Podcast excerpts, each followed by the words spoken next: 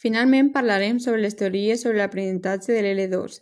En la filosofia de l'educació hi ha hagut dues tendències, una de caire racionalista i una altra de caire empirista.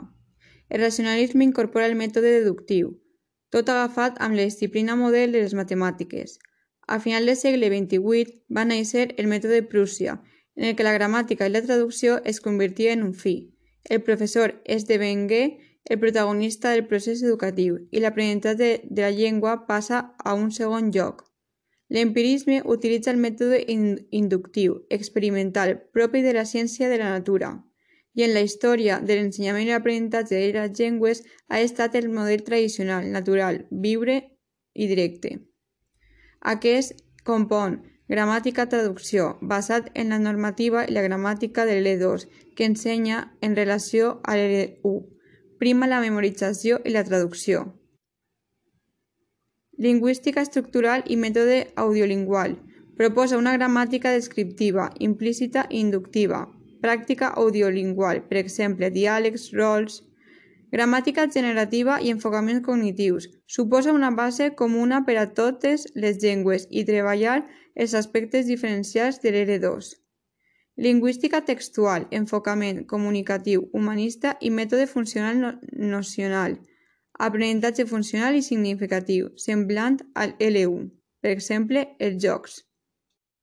Per a poder fer unes bones pràctiques i potenciar l'aprenentatge de L2, hem de tindre en compte el contacte amb la llengua L2 en l'aula, accessos registrats i estils i registres. En ocasions hi ha actituds socials negatives a l'L2, funció compensatòria de l'escola en l'aula.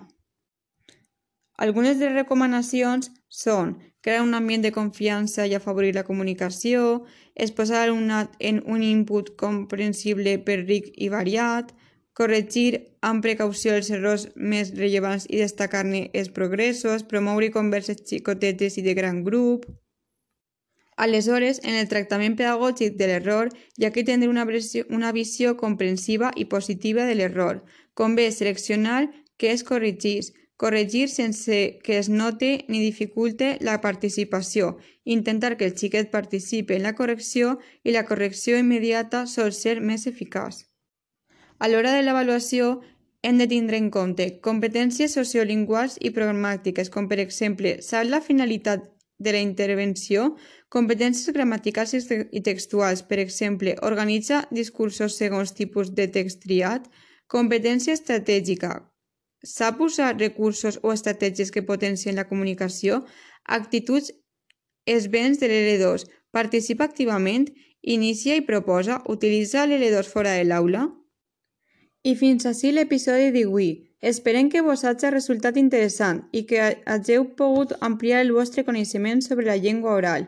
Gràcies per compartir amb nosaltres aquest espai i vos esperem la pròxima setmana.